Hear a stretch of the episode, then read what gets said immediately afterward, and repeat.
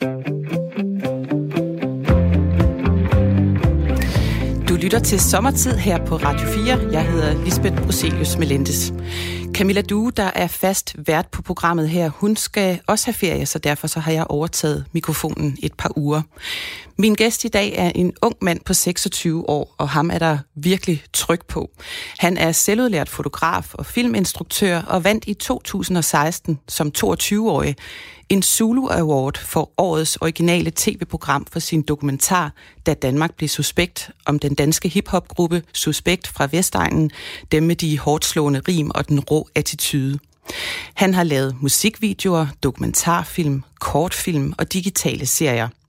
Så hvis du har et ungt menneske derhjemme, eller hvis du selv har fulgt lidt med på de sociale medier, så har det været svært at overse dagens gæst.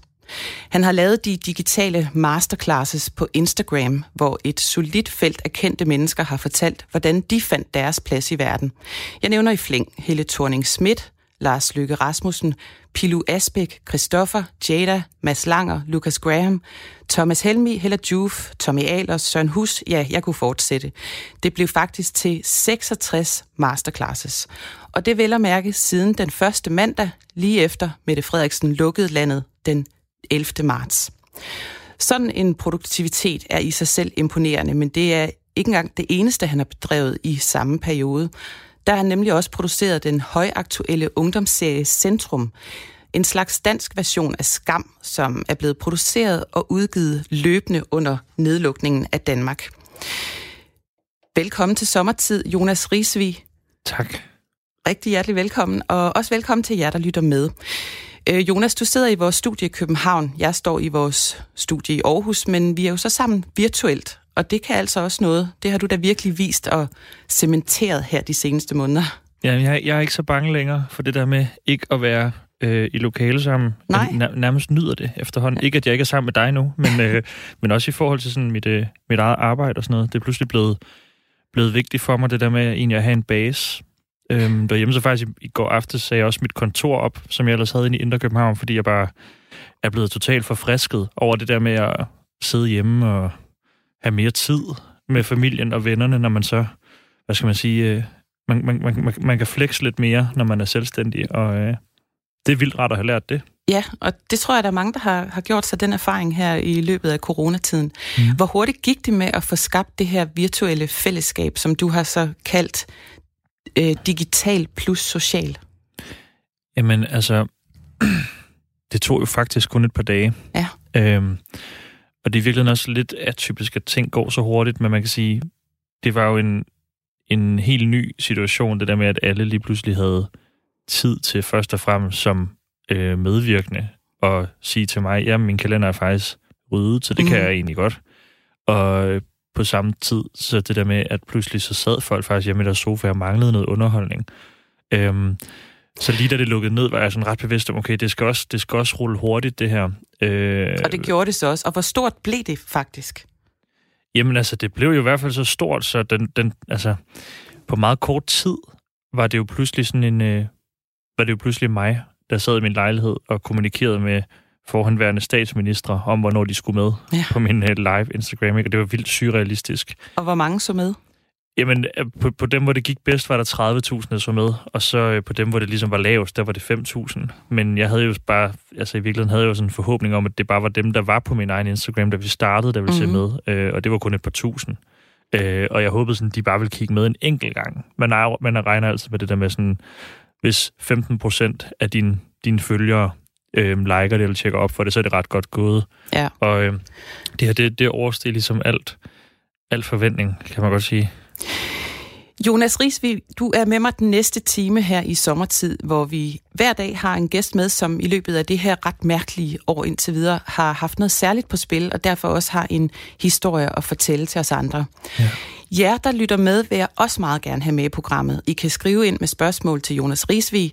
Dem vil jeg så tage med i løbet af timen. Du må også meget gerne deltage med din holdning til eller erfaring med de ting, vi taler om. Du tager din telefon, skriver en besked ved først at skrive R4, så laver du et mellemrum, og så sender du din sms afsted. Nummeret er 1424. Og Jonas Risvig, jeg har gerne vil tale med dig, fordi du så virkelig har forstået at holde dig særdeles aktiv i det her corona-forår. Det hele startede ud med de her digitale masterclasses, ja. digital plus social, hvor du opfordrede unge til at blive hjemme og udvikle sig kreativt. Og så legnede du ellers et hold af inspirationskilder op, en masse spændende mennesker, som de unge kunne stille spørgsmål og lytte til. Ja. Først og fremmest, hvorfor tog du egentlig det her sociale ansvar på dig? Altså at opfordre de unge til at blive hjemme i sofaen og så udvise samfundssind? Det er, jo, det er jo sådan, når man er 26 år gammel, så er man lige midt imellem det der med at være voksen og være ung. Og jeg, øh, jeg går og bruger ret lang tid på sådan at, øh, og tænke over det der med, hvornår i alverden er det egentlig, at øh, jeg skal begynde, både over for mig selv, men også over for andre, at anse mig selv som, som voksen. Og øhm, det, jeg kan mærke, som så har været min fordel i det der med egentlig ikke at vil kalde mig selv voksen endnu, har været, at jeg øh, har været så privilegeret at få lov til at holde nogle oplæg rundt omkring i landet, på øh, både folkeskoler, efterskoler og gymnasier. Og, og i forbindelse med, med de fortællinger, jeg ved at fortælle der, som basically for dem, som ikke kender mig, så er det det, at jeg ikke har taget nogen filmuddannelse, men mm. alligevel har, har arbejdet mig øh, udenom. Og når jeg fortæller de historier, så øh, har jeg været så heldig på min vej at få en masse god respons fra unge mennesker, der siger, at det var lige det der, jeg havde øh, brug for at høre, og tak for en inspirationsindsprøjtning. Og da vi så stod her, og det hele lukkede ned, så, øh, så følte jeg ligesom sådan, okay, nu, jeg, hvis, hvis der er nogen, der har bare et lille sådan, altså hvis, der, hvis man har bare en lille åbning ind til nogen, som måske lige nu, øh, og det var en påstand, havde svært ved at forstå vigtigheden, så, så skal man bruge den. Og lige da, da landet lukkede ned, var det jo lige der, hvor man snakkede meget om, at der var vildt mange fester alle steder, og der var mange unge mennesker, der stadig hang ud udenfor. Og øh, det var som om, jeg meget hurtigt der blev totalt ligeglad med, hvad voksne mennesker gik og lavede, og hvem der stod og hamstrede ned i Netto. Det eneste, jeg tænkte på, det var, bare de der unge mennesker har forstået alvoren. Øhm, og hvis ikke de har, så lad mig hjælpe dem med så at bruge tiden fornuftigt, fordi de er mega fornuftige. Men på det tidspunkt var alle jo helt vildt forvirret, så jeg forstår godt, at hvis man havde en mor og en far, der var lige så bange, som min mor og far var, så jeg kan godt forstå, at man havde lyst til at gå ud og spille lidt fodbold med sine 15-årige kammerater, mm. i stedet for at sætte sig ind på sit værelse. Det var i virkeligheden dem, jeg gerne ville, øh, ville tale til der. Og du, og du havde så det her budskab, du ja. vil sprede, som du, som du så lige sagde før, det der med, ja, hvordan kan man komme i gang, og hvordan kan man blive kreativ? Altså, ja. manglede du selv inspiration, da du var ung? Ja, det gjorde jeg meget. Altså, jeg var så heldig at have en mor, som virkelig fodrede mig med det. Øhm, og især måske fodrede mig i hvert fald med, med ideen om, at det var okay at, øh, at gå og fantasere. Mm. Og den der legesyghed og fantasi er jo sådan noget, som vi, vi griner jo tit af hende der på arbejdspladsen, som er sådan lidt, øh, som er lidt pjattet eller sådan lidt barnlig, så siger vi, åh, oh, Lone, hun er godt nok også barnlig, var, når hun bliver fuld. Mm. Men i virkeligheden, så er jeg begyndt virkelig at sætte pris på de af mine venner, som stadig tør åbne op for det der kammer af noget legesyghed, og dem, der tør at sige noget dumt i lokalet, eller tør at være dem selv. Og, og i mit eget liv i hvert fald, har jeg, har jeg hele tiden, fordi jeg kommer fra, fra Silkeborg, øhm, og der var ikke nogen uddannelse inden for noget kunst eller kreativitet, så det var sådan noget, man selv ligesom skulle finde lidt rundt omkring ved sine venners for, forældre. Hvem, hvem havde engang været på et kunstakademi i London, og ja. hvem havde nogle fede film på bogregion og sådan noget. Det var meget sådan en, en, øh, et detektivarbejde, og i dag kan jeg jo bare se sådan, at lige så mange unge, hvis ikke flere, har stadig det samme iver Øhm, men måske har vi gjort det lidt for øh, akademisk og teknisk, det der med at blive instruktør. Altså for eksempel, og, det, og vi skal tale meget mere om det øh, lige om lidt, øh, fordi vi skal også lige vende dagens nyheder sammen. Og øh, ja. jeg har bedt dig om at tage en historie med til mig, og så har jeg også en med til dig. Ja. Vil du ikke lægge ud, Jonas Jo, Rigsvig? det vil jeg. Altså, jeg synes, jo, jeg synes jo, det er svære tider, fordi at der ikke bliver skrevet rigtig noget. Ja, det er rigtigt. Af sådan noget, som jeg bider mærke i. Altså, jo, jeg læser alle de store nyheder hver dag, og sådan noget, men de er jo ikke så sjove at snakke om, for det er nogen, der er dygtige til at tale om. Så jeg, jeg tænkte ligesom, hvis jeg skulle komme med noget, så blev jeg nødt til at gå lidt ned i popkulturen. Øhm, det er også den, jeg selv befinder mig meget i. Og øhm, jeg er sikker på, at der er mange voksne, der ikke ved, hvem han er, men der er rigtig mange unge mennesker, der kender rapperen Logic, som øhm, i går annoncerede, at han øhm, går på pension som 30-årig. Og øhm, okay. han, lavede et, øh, han lavede et hit sidste år, som faktisk var, bare var navnet på selvmordslinjen i USA, hvor han sagde, at vi skal huske at tjekke op for hinanden. Og der var et kæmpe boom i USA af folk, der så pludselig ringede faktisk for at bede om hjælp. Og da han annoncerede, at han, jeg har ikke et særligt forhold til ham, men det jeg har et forhold til, det er, at han er selv en, en hvid fyr i et rap-game derovre, hvor mm. at det er at det er helt sikkert øh, ikke en hvid mand sport at være rapper. Og øh, han står helt udenfor, og sådan en, en nørdet fyr, der virkelig har taget patent på det der med at være ham, som ikke var cool, men som så faktisk har lavet nogle kæmpe store hits og gjort det cool. Og jeg kan godt se mig selv lidt i det der med ikke at være en del af den kunstneriske filmbranche, men være ham fra Villavejen, der egentlig ikke havde noget sådan synderligt på hjerte, men alligevel formåede at lave noget, der så ramte en masse mennesker. Og da han så annoncerede, at han skulle pensionere, så kom jeg bare til at tænke på det der med et stort spørgsmål egentlig sådan, hvornår må man altså pensionere sig selv, ikke? Altså sådan, Tarantino har jo sagt sådan, jeg skal lave de her, det her antal film, så gør jeg det. Og jeg har egentlig altid tænkt, at jeg vil være sådan Clint Eastwood, der bare lavede film til at døde. Men pludselig kunne jeg også godt se, at hvis man har lavet det, man synes, man kunne, øh, er det så i virkeligheden ens kunstneriske pligt at sige, nu stopper jeg, og så bliver jeg pædagog, eller skolelærer, eller... Og i sådan et land som i Danmark er det også lidt forbudt at sige, at man gerne vil på pension tidligere, ikke? når vi går nu og hæver pensionsalderen og sådan noget. Så det var mere sådan en... Den kunne man jo sidde og sunde sig lidt over her over sommeren, hvad man egentlig selv tænker omkring. Og, det der. og interessant, at du øh, altså, lige vender sådan en. Altså, du står jo nu på tærsklen altså, ja. til at skyde din karriere hele dagen. Øhm, men, øh, men interessant at overveje, hvornår skal man så på pension? Ja, skulle det være det? Ja. Er det i virkeligheden? Altså, jeg er jo lige så gammel som ham næsten. Ja. Jeg er jo 26, han bliver så 30, ikke? så det er jo ikke så langt fra. I virkeligheden, jeg godt kunne sige, jamen, øh, skal jeg fortsætte fire år mere? Ja. Og så sige, det var i virkeligheden det? Eller skal jeg, jeg godt ved på, at det gør du ikke. Jeg synes også, det vil være svært. Ja. Nå, du skal også have min historie, Jonas. Ja. Øh, det er ikke den der EU-aftale, øh, der er landet, som fylder rigtig meget i nyhedsbilledet. Ja. Den, den gider vi ikke at snakke om. Men øh, det viser sig, at højskolerne oplever kæmpestor interesse. Det er, de har talt med en række højskoler, og de fortæller, at de aldrig har oplevet større interesse for, øh, altså fra unge øh, for at komme på højskole. Yes. Og flere af de højskoler, som DR har talt med, fortæller, at de også har tæt på udsolgt til mange af efterårets kurser. Øhm, har du nogensinde gået på højskole? Nej, det har jeg ikke, men jeg har delt med været på mange, øhm, og, øh, været, og været gæsteunderviser. Mm. Øhm, og det fede ved de der højskoler er jo bare sådan, de her, de her med, har haft nogle... Generelt hele forenings Danmark har det jo bare lidt svært nogle gange, fordi vi jo sådan generelt set er lidt dårlige, synes jeg, til mm. at støtte op omkring det der, den der community-følelse. Så højskolerne har jo virkelig været presset de seneste år, så det er da bare så fedt for dem at få få noget, noget opblomstring. Jeg tror ikke selv noget sabbatår, faktisk. Da jeg gik ud af gym, der gik jeg direkte i gang med bare at, øh, at lave film. Jeg gik ja. ud af Silkeborg Gymnasium. Det er et af Danmarks største, kæmpe gymnasium. Øhm, men gik bare øh, i gang med at følge suspekt rundt på landevejen lige derefter, så jeg har egentlig aldrig haft det der år, øh, men har tit drømt om det. Min lillebror har lige været på højskole, og kunne jo bare se, hvor meget det gør ja. for et ung menneske. Øhm, så der er helt sikkert nogle... Jeg tror, jeg, jeg tror godt, det kunne blive ham der, der tog familien med på højskole om det sommeren. Det kunne også være fedt. Ja. Godt. Jamen... Øhm... Gode nyheder, faktisk. Ja, gode nyheder begge to. Eller, ja, din er, din er rigtig god. Hvis man godt kan lide Logic, så er den anden jo ikke så god. Nej, så er den faktisk ikke så god, det har ja. du ret i. Og øh, Jonas Riesvig, jeg har jo en bunke spørgsmål til dig i dag. Og, øh, og så yes. til dig, der lytter med, der, det kan også være, at du har et eller får et. Øh, det kan være personligt til Jonas Riesvig, og det kan også handle om det, vi taler om. Vær med på sms'en. Øh, nummeret er 1424. Du skriver R4 i starten af beskeden, laver et mellemrum, og så skriver du din, din besked og sender den afsted til 1424. Øhm, ja.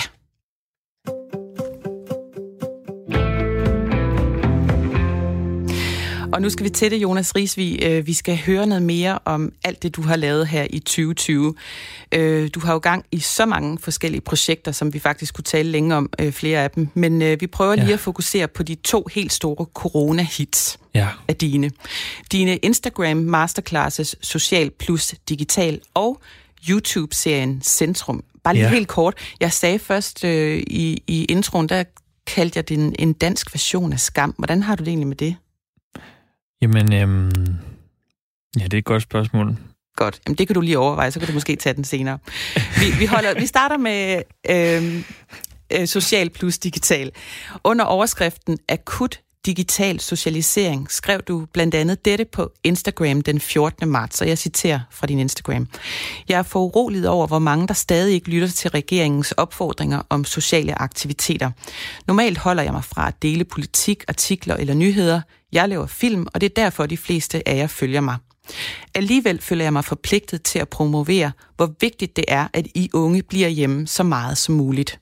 Citat slut.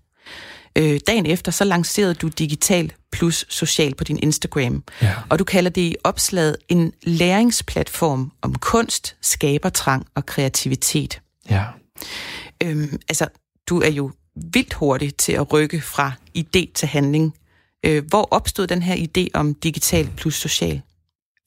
Jamen, den opstod en til en, fordi at jeg... Øh, øhm, jeg, jeg kan faktisk... Jeg har, jeg har lige slettet min Instagram-app her i forgårs, og har sådan helt vildt abstinens over det. Mm. Men kan anbefale det, fordi det, som der skete for mig de dage der, det var de der forbandede stories, man sidder og kigger på derinde med, hvad folk de laver. Øh, eksploderede bare i folk, som i hvert fald ikke var, var hjemme og gøre, hvad regeringen sagde. Og mm. øhm, min kæreste, hun øh, øh, var og er en af de borgere, som, som meget nødigt skal smittes. Så hun tog til Jylland med det samme, da det lukkede ned landet. Så jeg sad ligesom bare alene i min lejlighed i Valby, og blev bare meget hård. Altså, når man har nogen tæt på sig, som forstår alvoren meget tidligt, så, øh, så ser man også lynhurtigt, hvem der så, forstår mig ret, øh, ikke overholder retningslinjerne. Mm. Og vi havde lige i hvert fald fem dage der, hvor, hvor det var sådan lidt svært for mange at finde ud af, hvordan gør vi lige. Og så tænkte jeg bare, uden at, være, uden så at være dømmende og sige, tag nu hjem og mm. hold jer døre, hvordan kunne jeg så gøre noget, der faktisk fristede?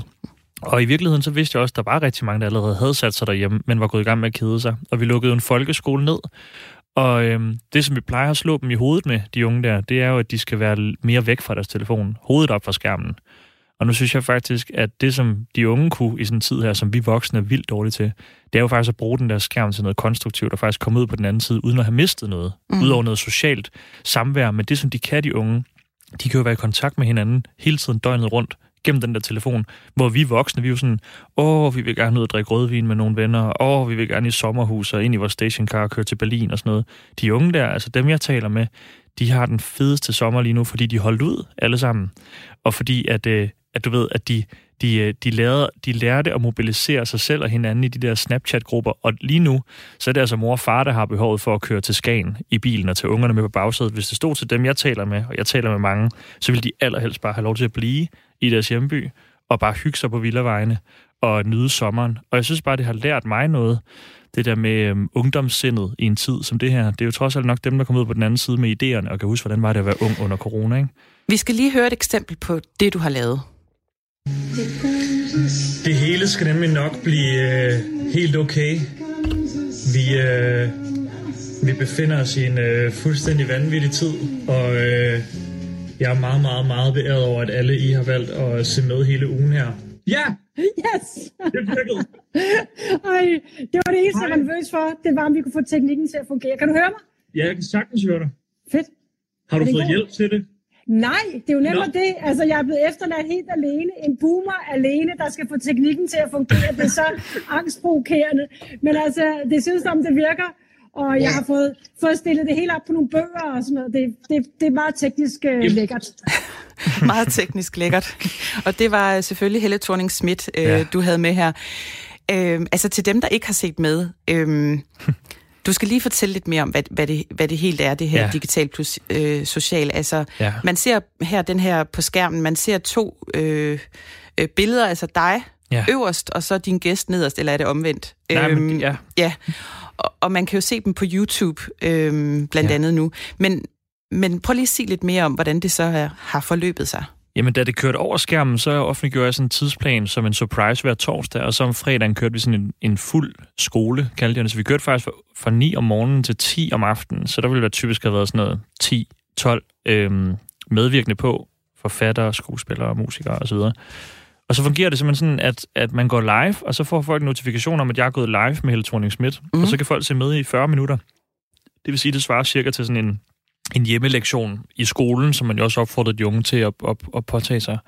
Øhm, og så kunne man stille spørgsmål direkte i kommentarfeltet, hvad man havde lyst til at høre om, og ellers så førte jeg ligesom slagets gang, men det, som det handlede om, var meget, for eksempel med Helle thorning Schmidt, et godt eksempel, i stedet for, det handlede om hendes arbejde som øh, politiker og statsminister, så talte vi om, øhm, hvor hun var, da hun var 15, og i virkeligheden, om man gik og drømte om at blive statsminister, og det gjorde hun i særdeleshed ikke. Og så taler vi om, jamen, øh, hvad har du så lært fra det at være statsminister, som man kan bruge, hvis man sidder på et værelse i Randers nu. Ja, for det ville have været mit spørgsmål. Altså, er der, har Helle Thorning overhovedet nogen appel hos de unge? Ja, absolut. Fordi den appel, hun har, det er jo at, øh, at, at ture involvere sig i noget. Øhm, og ture og, og sige sin mening. Og ture rejse sig op. Rigtig mange unge i dag har svært ved det der med at overhovedet at skulle fremlægge i skolen, eller sige sin mening. Og både hende og Margrethe Vestager for eksempel talte rigtig meget om det der med, at at man skal lære sig selv, især som pige også, og ture have lidt spidse albuer, når det kommer til noget, man synes er vigtigt. Og øh, det blev enormt inspirerende at høre om, hvordan man også i sit eget lokalmiljø eller sin egen venneflok kan sætte sig selv i en position, hvor man i hvert fald ikke bliver overset. Øh, så, og, og det er jo virkelig sådan noget, som, som de kunne, de her ting. Altså, mm. jeg, man kunne også høre Lucas Graham sidde, sidde og vise frem i sin sangbog, hvordan han, han gik i gang med en sang, simpelthen fra toppen og ned. Øhm, så det var meget vigtigt, at det kom ned på plan, hvor alle ja. kunne være med at få noget øh, ud af det, ikke? Og, og nu, altså, jeg bliver bare helt vildt nysgerrig. Altså, hvordan i alverden fik du, ja, Helle Thorning, Lars Lykke og, og Thomas Helmi med? Ham har jeg som journalist prøvet at få ja. interview med mange gange. Han er ikke nem at komme i tale med. Altså, Nej. hvordan gjorde du? Jamen, altså, jeg, jeg prøvede at gøre det så rent, som jeg overhovedet kunne. Øh, jeg ved godt, det lyder helt vildt banalt, men vi er jo i sådan en, en mediebranche, hvor folk tit har, hvad skal man sige, folk vil tit gerne promovere et eller andet mm. med folk, og det er derfor, man gerne vil bruge folk. I det her var det virkelig bare at lave noget til nogle unge mennesker på min Instagram. En, en ukendt dansk filminstruktør uden særlig mange følgere. Øhm, og det virkede til, at de første, jeg spurgte, synes, det var ret charmerende. Så jeg startede med at spørge nogle folk, som jeg kendte. Jeg kendte Alex Høgh, som havde med i Vikings, og så spurgte jeg, Alex, vil du gøre mig en tjeneste med i det her? Og så var han med, og det gjorde pludselig, at en række andre skuespillere gerne ville stille op, og så begyndte det ligesom sådan at rulle. Og da jeg så fik Lucas Graham og Helle thorning Schmidt med, så vidste jeg, okay, nu åbner det op for, at nu kan folk i hvert fald se valideringen af, at det her projekt, det er okay. Mm. Øh, og det gjorde det faktisk ret nemt derfra at få næsten alle med, og mange meldte sig også selv på banen til at hjælpe med at støtte op. I virkeligheden så er det nok gode gamle, øh, hey, vi støtte en god sag, øh, hvor der ikke er nogen, der, der tjener en krone på det. Øhm, altså, hvordan har responsen været for de unge? Øh, kan du sige det kort? Ja, det kan jeg godt. Den har bare været overvældende. Ja. jeg har stadigvæk altså, har de sagt noget om, hvad de har fået ud af det? Eller? Ja, totalt. Og det er jo også noget, der er svært at filtrere endnu, fordi det er også, altså, selvom at det ikke er så lang tid siden, så, øhm, så er jeg nået til bunds nu i min indbakke af folk, der har skrevet. Og det, jeg i hvert fald kan mærke rigtig meget, det er, at mange er blevet bekræftet i, at den der, øh, den der lyst til at skabe, øh, det er jo meget banalt. Altså det, som budskabet har været i næsten alle 66 masterclasses har været, hvis du drømmer om det, så prøv at gøre det, og så se, hvad der sker. Øh, og, og det er jo, det er jo nogle gange, så skal, skal, skal sandheden, sandheden jo bare sige sig de rigtige. Og det kan godt være, at ens mor har sagt, jamen, hvis du virkelig gerne vil synge, lille Simone, så skal du forfølge den drøm. Men når Jada pludselig siger det så, så øh, runger det pludselig øh, mere, altså mere værdi ind på det lille pigeværelse der. Og ja. det er sådan noget, som jeg synes er enormt rørende at have fået at vide for folk. Ja. Altså, altså nu, nu handler det jo så om kreativitet. Altså, hvad så ja. med de... Og, og jeg ved jo, der er jo mange øh, unge i den generation, de har jo netop øh, øh, ja, drømme om at, at, at blive berømte på en eller anden måde. Altså, hvad, hvad med dem, der sidder med en drøm om at blive tømmer? Kan, kan du sige noget til dem? M- måske. Øh, måske kan jeg sige noget til dem. Jeg, jeg, jeg, jeg håber lidt på, at, at alle har kunne finde en eller anden masterclass her, som, som de har kunne bruge til noget. Hvis det så ikke var, at man ville skrive sange, så kunne det være, at Tom Jalers kunne, øh, kunne give en, noget input til iværksætteri. Øhm, jeg, jeg, synes, de, jeg synes, de når bredt omkring rigtig mange af dem. Og, og i virkeligheden så handler de måske også bare om det der med, at det er okay at være i tvivl om, hvad man gerne vil. Ja. Øhm, men du har ret. Jeg, jeg har helt sikkert en pandang stærkere til de unge, som gerne vil noget kreativt. Men jeg håber på, at, at, øh, at der indimellem der også er nogen, som gerne vil være tømmer, som tænker, nå jamen, jeg kunne selvfølgelig også godt udleve min drøm om at lave lidt ler imens, eller ja. lave noget keramik nu, som, nu hvor jeg synes, det er skide sjovt. Øh, Jonas, nu øh, der, der er en, øh, et nyhedsoverblik, der snart kommer, men jeg vil gerne lige nå, vi skal, vi skal også lige nå at snakke om Centrum, og det kan vi også godt fortsætte med bagefter. Men ja. øh, du lavede jo samtidig den her serie, ungdomsserie, øh, ja. Altså, hvor, hvor du øh, brugte unge skuespillere og øh, jeg synes lige, vi skal prøve at høre et uh, klip fra den. Ja. Men altså, har du slet ikke lyst til at lave noget? Jo da. Jeg skal bare hygge mig og have det sjovt. Det kan godt være, at du føler, at jeg har virkelig været fart på. Jeg har bare lige mistet alle de mennesker, jeg troede, der var mine venner. Jeg har bare brug for at være mig, tror jeg. Ved dine venner godt, hvad der sker derhjemme?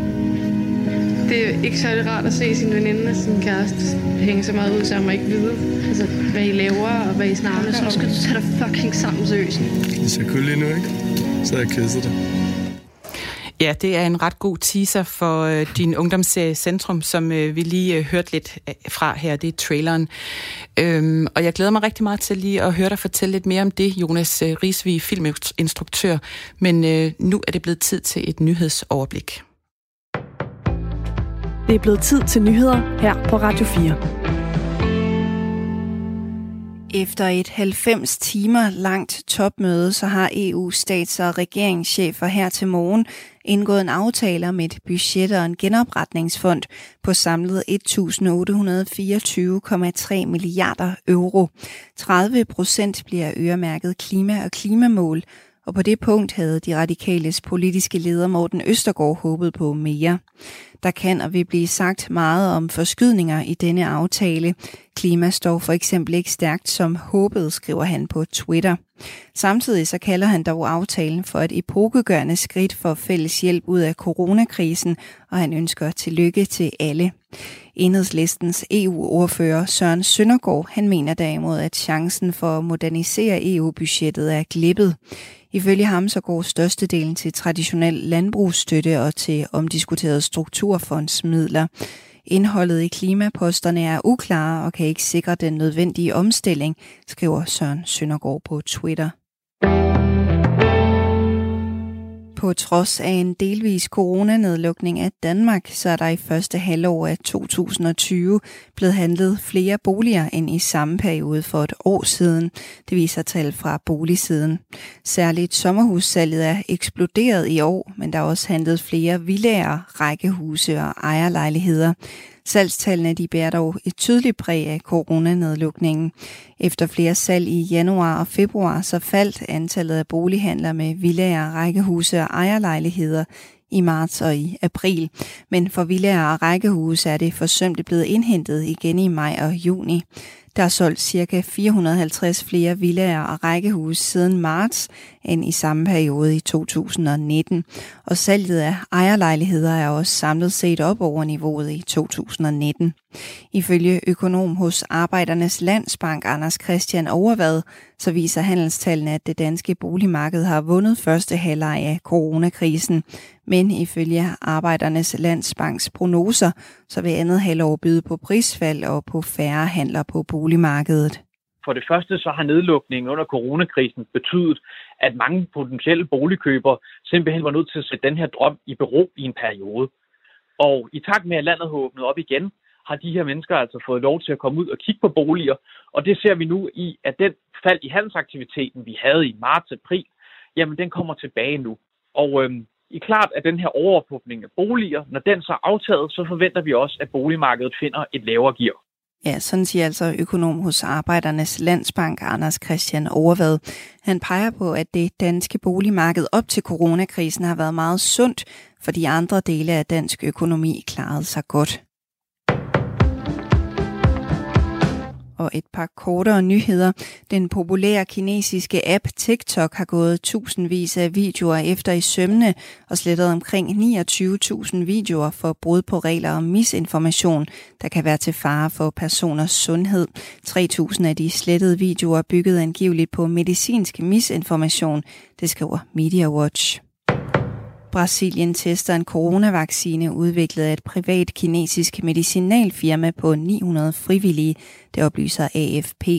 Hvis vaccinen viser sig at være sikker, så kan firmaets brasilianske partner erhverve rettighederne til at producere 120 millioner doser. I Nord- og Nordvestjylland bliver det tørt med en del sol i dag. I resten af landet nogen sol de fleste steder. Temperatur mellem 15 og 19 grader og jævn til frisk vind.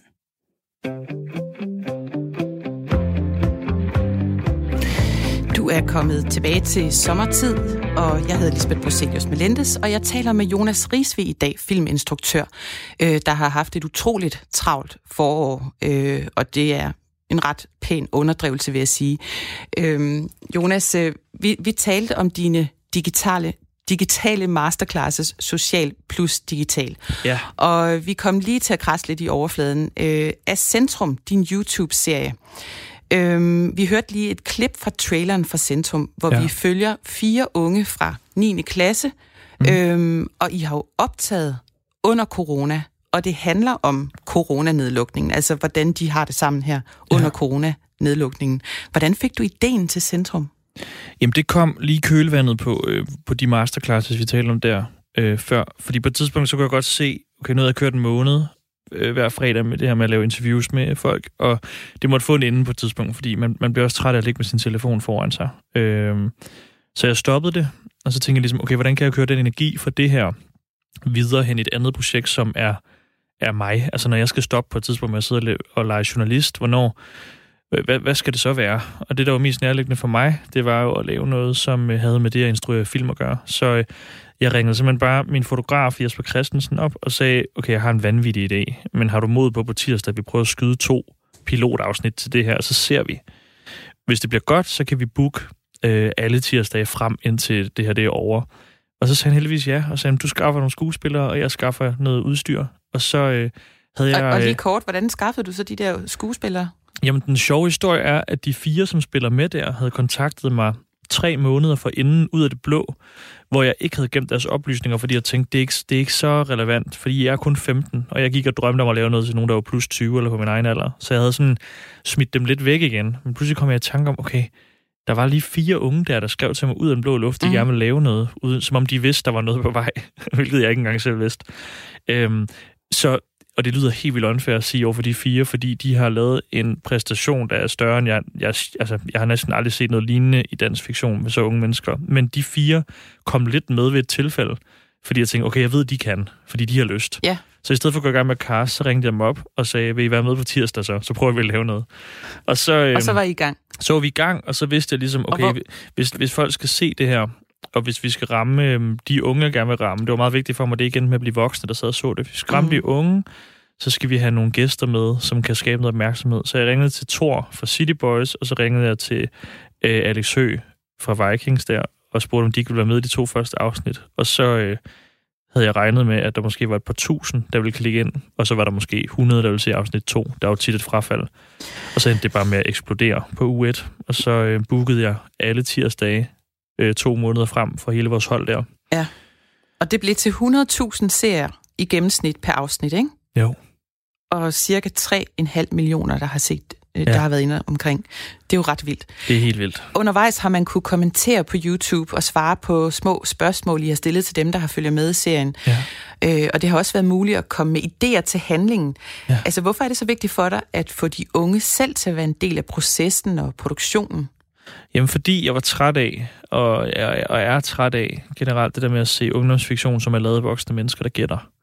Og øhm, jeg nåede selv i at lave en serie til det Ultra Før Centrum, som hed Stikker, øhm, hvor jeg ikke selv havde fået lov til at skrive manuskriptet, men hvor at det, som den handlede, handlede om, var, var ligesom besluttet af en redaktion af nogle voksne mennesker, der gættede mm-hmm. på nogle problematikker og nogle temaer, som de synes var vigtige. Det der med sådan, om nu vil vi gerne lave noget, hvor vi lærer de unge omkring, at de ikke må sende nøgenbilleder, men så går man ud og taler med de unge. Jeg har været rundt i 60 forskellige folkeskoleklasser nu, og taler man med de unge, så siger de, jamen alle sender jo nøgenbilleder, så det er jo ikke spændende at høre om, at vi ikke må sende nøgenbilleder. Det gør vi jo. Altså så, så laver der noget mere originalt.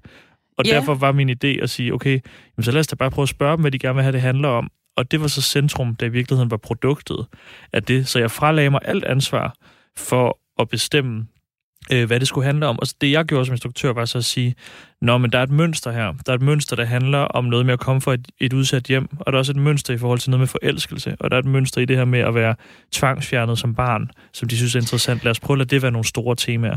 Og vi kan lige gribe fat i et andet tema. Der er flere øh, scener i serien, hvor hovedrollerne øh, altså karaktererne, som er under 16, ja. drikker alkohol. Ja. Og nogle gange, hvor, hvor de ikke opfører sig som helt eksemplariske unge mennesker. Ja. Øhm, og det har fået flere voksne til at skrive til dig, kan jeg forstå. Altså, ja. øhm, hvad er de sure over? Jamen, de er sure over, at jeg har fjernet filteret. De er sure over, at jeg har fjernet det filter, som øhm, de selv betaler rigtig mange public service penge til, og hele tiden at få øh, produceret indenfor. Øh, der er jo alle mulige rammer og regler, når man laver fiktion til unge, for at, at beskytte dem. Men når man så laver men noget som de er der vel også for en grund? Måske er de der for en grund, øh, men det er jo enormt vigtigt, at vi bare lige prøver at kigge på hinanden og sige sådan, okay, hvis vi ikke fjerner filteret på de kanaler, hvor vi har kontrollen over, hvad vi serverer for dem, det kunne være Danmarks Radio, så ender vi jo med, at de unge sidder og ser X on the Beach og Paradise Hotel, hvor filteret er helt væk, mm-hmm. og hvor der ikke er taget noget ansvar for, hvad, hvad, hvad, hvad vi lærer de unge. Og alle de unge, jeg arbejder med her, de gider jo ikke se DR Ultra eller DR3, fordi de synes, det er for kedeligt og ikke relaterbart, og i stedet så ser de reality. Så hvad vil vi helst? Og det kunne jeg også se i et af dine svar eller kommentar til det her. Du sagde, hvorfor sender I ikke jeres klagemails til for eksempel øh, producenterne af X on the Beach ja. eller Paradise Hotel.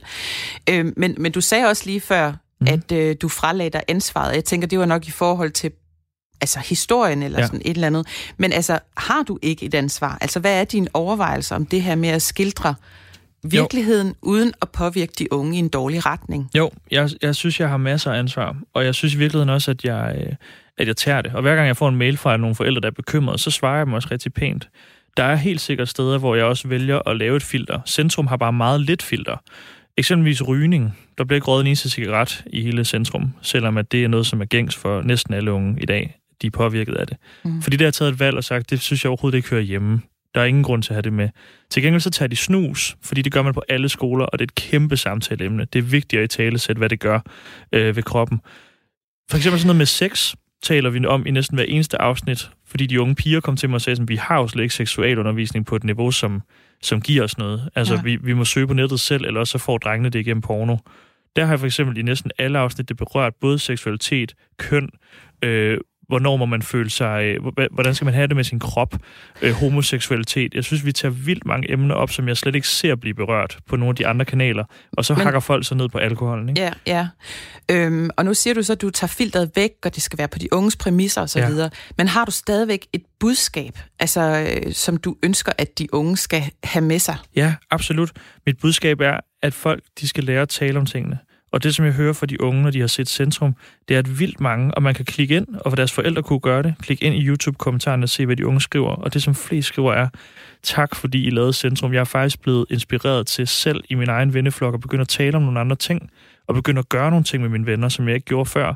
Fordi pludselig, hvis man har set dem i Centrum tale om, at man kan have en spiseforstyrrelse, så er det pludselig okay i sin egen venneflok at snakke om det, fordi det var ret cool, at de der to piger sad og talte om det i centrum.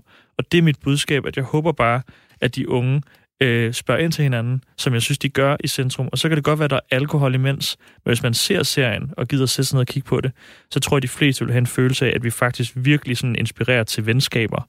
Og der er i, i centrum er der ikke nogen, der mobber. Der er heller ikke nogen, der er nørden, eller hende der er pigen, som var snoppen.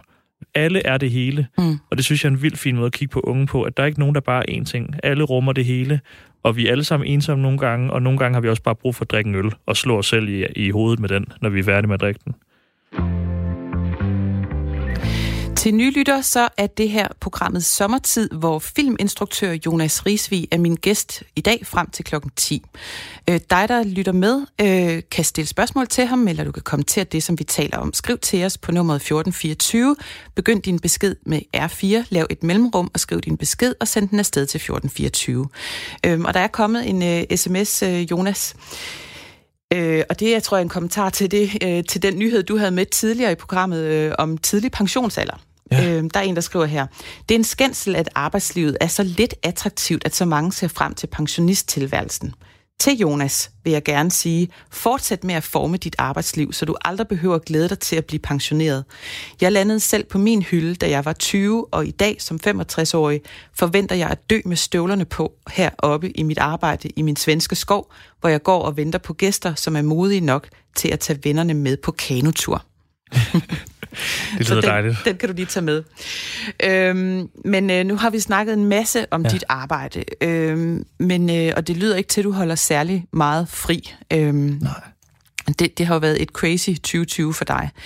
Øhm, og det har været et mærkeligt år for os alle sammen. Ja. Men, men øh, Jonas, du er vel også en, der godt kan lide holde ferie en gang, men altså, hvordan skulle din sommer have set ud, hvis det ikke havde været for corona? Jamen altså, øhm, det er virkelig godt, altså jeg havde, jeg har haft planlagt sådan en tur til Italien i lang tid. Jeg har mm. drømt om at skulle holde sådan en rigtig Call Me By Your Name-agtig ferie med alle mine venner.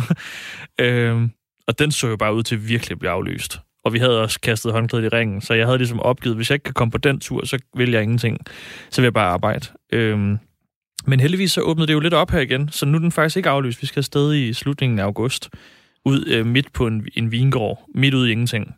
Øh, så det ser jeg vildt meget frem til, og det, det er så min sommerferie i år. Resten er ligesom blevet fyldt op nu med projekter og ja. med arbejde. Det lyder fedt. Men øh, du har også noget tid øh, stadigvæk her, herhjemme i, øh, i Danmark. Ja. Øhm, hvis man har læst nogle af de mange artikler om dig, eller måske set din kort, kortfilm, Ja. Ingen siger farvel, men alle forsvinder, Ja. Så er man ikke i tvivl om, hvor du kommer fra. Silkeborg og nærområdet får lov til at snige sig ret meget ind i dine projekter. Ja. Hvad betyder din hjemstavn for dig? Sådan Jamen, helt det- kort. Jamen, det betyder vildt meget, fordi det er jo både der, hvor jeg gik og kedede mig, og tænkte, at det var det mest røvsyge sted i verden. Og efter jeg har fået det på afstand, så har jeg bare kunne se, hvor meget det har givet mig. Der er noget med noget natur, og der er noget med Gudenåen, Mm. og der er noget med Søhøjlandet der, som bare er for vildt, Ja. synes jeg. Hold den, fordi øh, nu skal du så bruge din sommer i København, sikkert travlt beskæft- beskæftiget i storbyens stress og jag. Ja. Øhm, så vi har en anbefaling til dig, og måske også til din kæreste Emma, Ja. øh, som jeg ved, du gerne ville have haft noget mere tid til at slappe af med. Ja. Hvis I tager en bil og kører fra Valby, så kan I på en lille time være ude i Nationalpark Skjoldungernes Land, som ligger øh, i omegnen omkring Roskilde. Her kan I opleve ikke Søhøjlandet, som ligger over ved Silkeborg, men Skovhøjlandet. Hej med dig, Ny- Ny- Ny- Nynne Sørgaard, projektleder ved Nationalpark Skjoldungernes Land. Hej. Hej. Hvis nu Jonas drømmer om en rolig badesø og noget smuk natur at koble af i, hvor skal han så tage hen? Jamen, så synes jeg, at han skal tage ud til os i Nationalpark Skjoldungernes Land, hvor vi øh, blandt andet har en rigtig fin og meget, meget ren badesø, der hedder Avnsø, som ligger midt i Bistrupskovene, øh, også kaldet Skovhøjlandet, ja. Og øh, der kan man komme til blandt andet af en meget, meget fin vandrerute, der hedder Skjoldungestien. Mm-hmm. Så han kan tage til Særløse Overdrev, som ligger lige i nærheden, booke en shelter eller et telt, øhm, tag et telt med, slå det op der. Der er nogle forskellige teltpladser, og så gå den lille fine tur ned til Avnsø Badesø.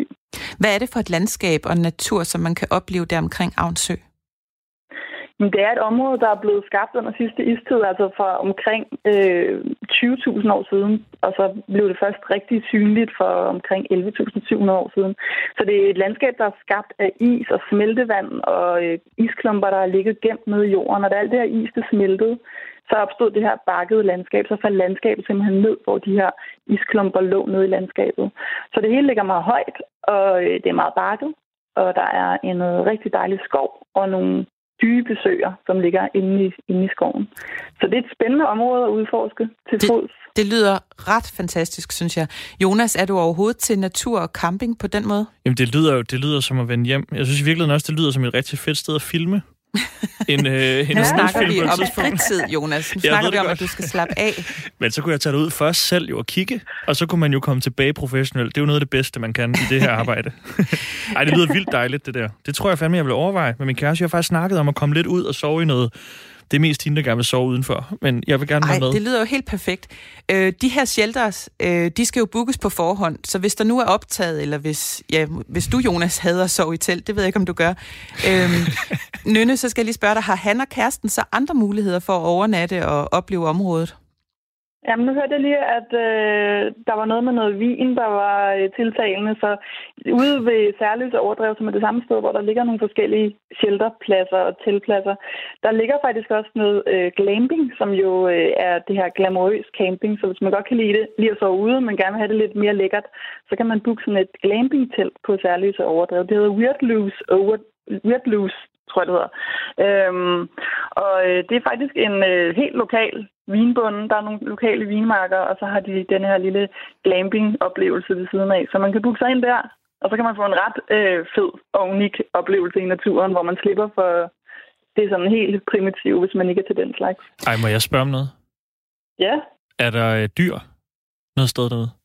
Altså øh, sådan noget krible-krable noget? Eller Nej, noget jeg tænker sådan noget med, der er sådan nogle, jeg er jo sådan en, der godt kan lide at klappe et dyr, for eksempel. Eller se dyr. Der, er- ja, der er masser, altså der er køer, øh, og det er der der på særligt overdrev Ej, hvor om fedt. sommeren. Og øh, ellers så går du ind i skoven, og så finder du en, en og så sætter du dig et sted og venter. Ja. Stille og roligt, så kommer der noget, øh, noget råvildt, Nej, det, og så kan det være, at du kan få det tæt på. ja, nej, det er godt. Ej, det lyder vildt fedt, det der. Det så kunne faktisk godt være noget, ikke, er jo øh, hjem fra Jonas?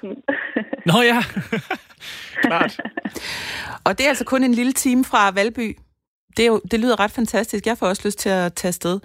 Øh, tak til dig, Nynne Sørgaard, projektleder ved Nationalpark Skjoldungernes Land. Det fik du øh, reklameret ret godt for det der. Ja. Tak. Tak skal du have, og have en god dag. God sommer. Øhm, Jonas Risvig, det er jo altid dejligt at få inspiration til, hvad man kan bruge sin sommer til, øh, som for mange vedkommende jo foregår herhjemme i år. Øh, jeg tror faktisk, du er den første, vi har talt med her, som, som også har udlandsplaner. Øhm, ja. Men jeg har bedt dig om at komme med en sommeranbefaling til lytterne. Hvad vil du anbefale? Jamen, den er lidt, den, jeg sad og noterede lidt her på mit papir, fordi den er, den er godt nok lidt åndssvag efter det her. Øh, men jeg vil nu sige, hvis man så nu har været deroppe, eller hvis nu man prøver det, Øhm, så vil jeg sige faktisk, øh, det er rigtigt Søhøjland kunne jeg jo godt tænke mig at anbefale. Og det er, jeg sad og brugte lidt tid i går sammen med min kæreste faktisk på at sige, hvad skal, hvad skal jeg sige? Fordi vi har været nogle dejlige steder. Så var jeg sådan, om Fyns Hoved er virkelig også et dejligt sted. Og så var der om Sjællands Øde, kan man også. Altså, der er tit i sommerhus og sådan noget. Men, men der er et eller andet med, at folk tit tænker, at mange af de jyske byer omkring Silkeborg øh, er det samme. Så tænker man sådan om Herning, Aarhus, Silkeborg, Kolding, Viborg. Er det det så? Silkeborg er, er virkelig et, øh, et unikt sted, hvis man godt kan lide natur. Og jeg vil bare anbefale, øh, jeg vil faktisk sige til de unge mennesker, hvis forældre måske siger, vi kunne også tage til Silkeborg, og de så bare tænker, øh, vi gider ikke til Jylland. Sig lige ja. For hold ja. op, hvor er der bare meget fedt at lave i Silkeborg. Og vi er jo blevet Danmarks outdoor hovedstad nu. Så hvis man kan lide sådan noget, så er der altså også gang i den. Og så vil jeg bare sige et lille pro-tip, hvis man kommer til Silkeborg og kigger på hotel. Det er nemlig svinedyrt at bo på hotel. Men der er det mest fantastiske vandrehjem, der ligger lige nede i havnen i Silkeborg. Og havnen, det er så havnen til Julsø, så det, det er gud nogen, der bugter sig. Øh, så det er ikke sådan en havn, der lugter og så kan man bo i vandrehjem lige ud til vandet. Og det der vandrehjem har øh, hjemmelavet morgenmad. Jeg ved ikke engang, hvad det hedder, så det er ikke engang sådan en reklame, jeg er blevet bedt om at lave. Men det er vandrehjemmet Silkeborg Nej, og nede du, vandet. Og, og du kan, altså, jeg kan jo slet ikke stoppe dig igen nu. Altså, Nej. Øh, men jeg, jeg synes, den er givet godt videre nu, den her Ja, det er godt. øh, Søhøjlandet øh, omkring Silkeborg. Tag til Jylland. Ja, kom til Jylland, kan jeg så sige. Ja. Til dig, der lytter med, hvis du skal nå at stille et spørgsmål til Jonas Risvig, så skal det være nu. Skriv R4, lav et mellemrum, skriv din besked og send den afsted til os på 1424. Jonas Risvig, øh, jeg vil også rigtig gerne høre, hvad resten af 2020 kommer til at byde på for dig, fordi det er jo faktisk ikke så let. Øh, det, og det er jeg slet ikke overrasket over, når jeg har hørt alt det, du har lavet. Men du har efter første sæson af Centrum ja. også produceret Flokken øh, med 18 afsnit, der kører lige nu på DR Ultra, og Ja. med en yngre målgruppe. Ja. Det har vi ikke talt, talt så meget om. Øh, og, og vi kan næsten ikke nå det, men altså DR og egentlig også TV2 havde faktisk takket nej til dine bud på ungdomsserier. Ja. Øh, så kom Centrum, og så kom DR tilbage til dig. Ja. Øhm, men det kan man så øh, eventuelt gå ind og se på DR Ultra. Men, men hvad er det næste, du skal?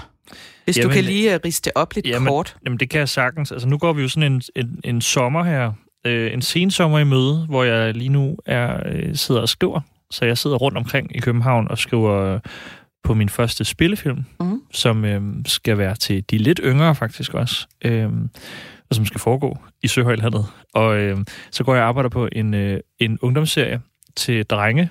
Nu har jeg lavet en masse til pigerne, så jeg skal lave en, en drengeserie. Og så øh, går jeg og pynser lidt på at skulle lave mere centrum. Jeg har haft en helt vild indbakke af folk, som synes, det er så trist, at det er slut. Og øhm, det går jeg og afsøger mulighederne for, hvordan Så, det så, så, så det ligger ud. ikke helt fast endnu, at du skal lave Centrum 2? Eller kan du lade være? Altså, hvor er der ikke noget, jeg hellere vil jo. Nej. Og det er også det, folk glemmer. Sådan. De, de, de tror, det er, fordi jeg ikke har lyst. Jeg vil så gerne Ja. lave mere centrum. Og øh, det, der, er bare, der er bare noget med, at det skal være, øh, det, det skal gerne være lige så godt som etteren. og hvis ikke bedre. Og det tager altså bare lige, tror jeg, en tur til Italien og finde ud af, Ja. hvordan og hvorledes man gør. Det synes jeg lyder som en god plan.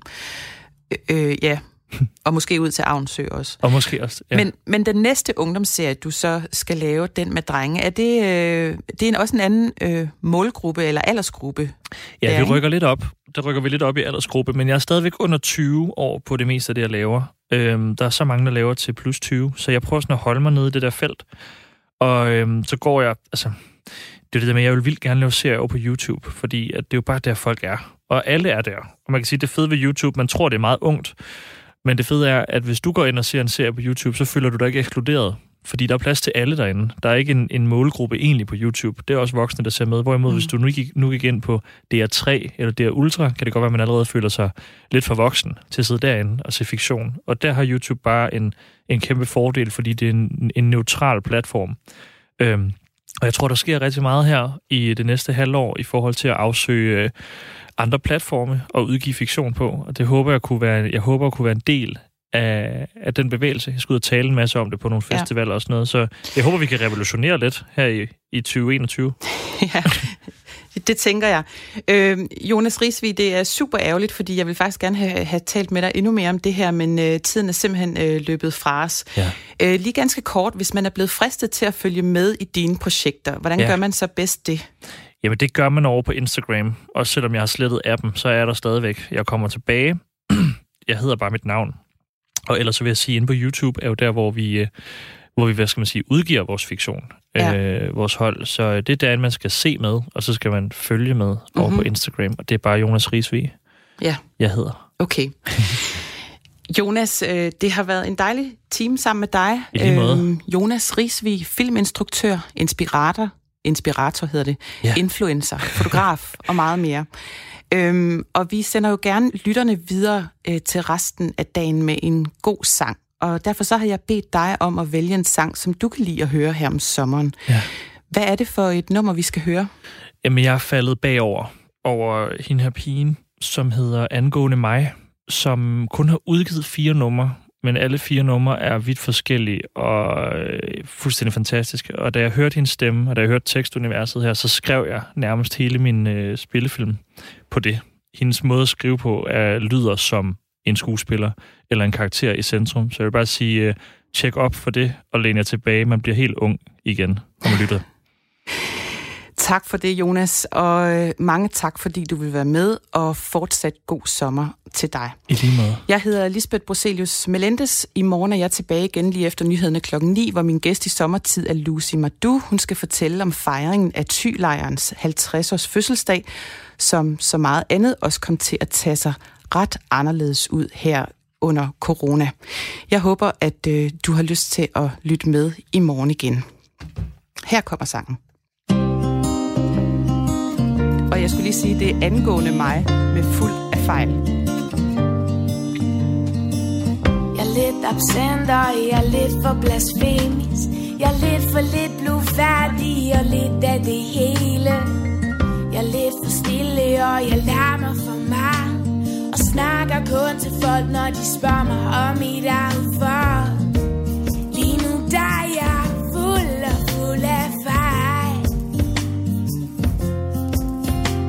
Når vi vågner i morgen, så er jeg stadigvæk ingenting ved siden af.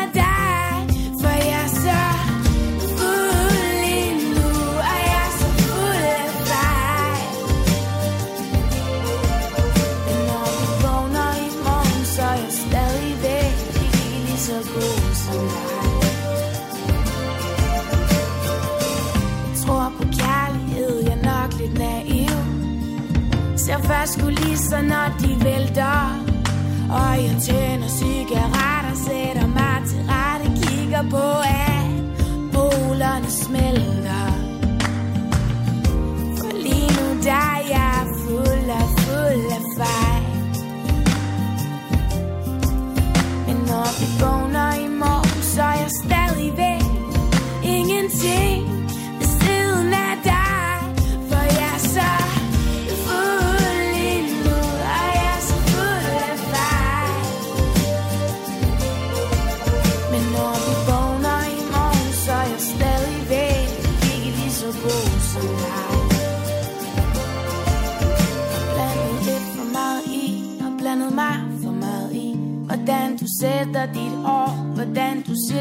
siger sige for.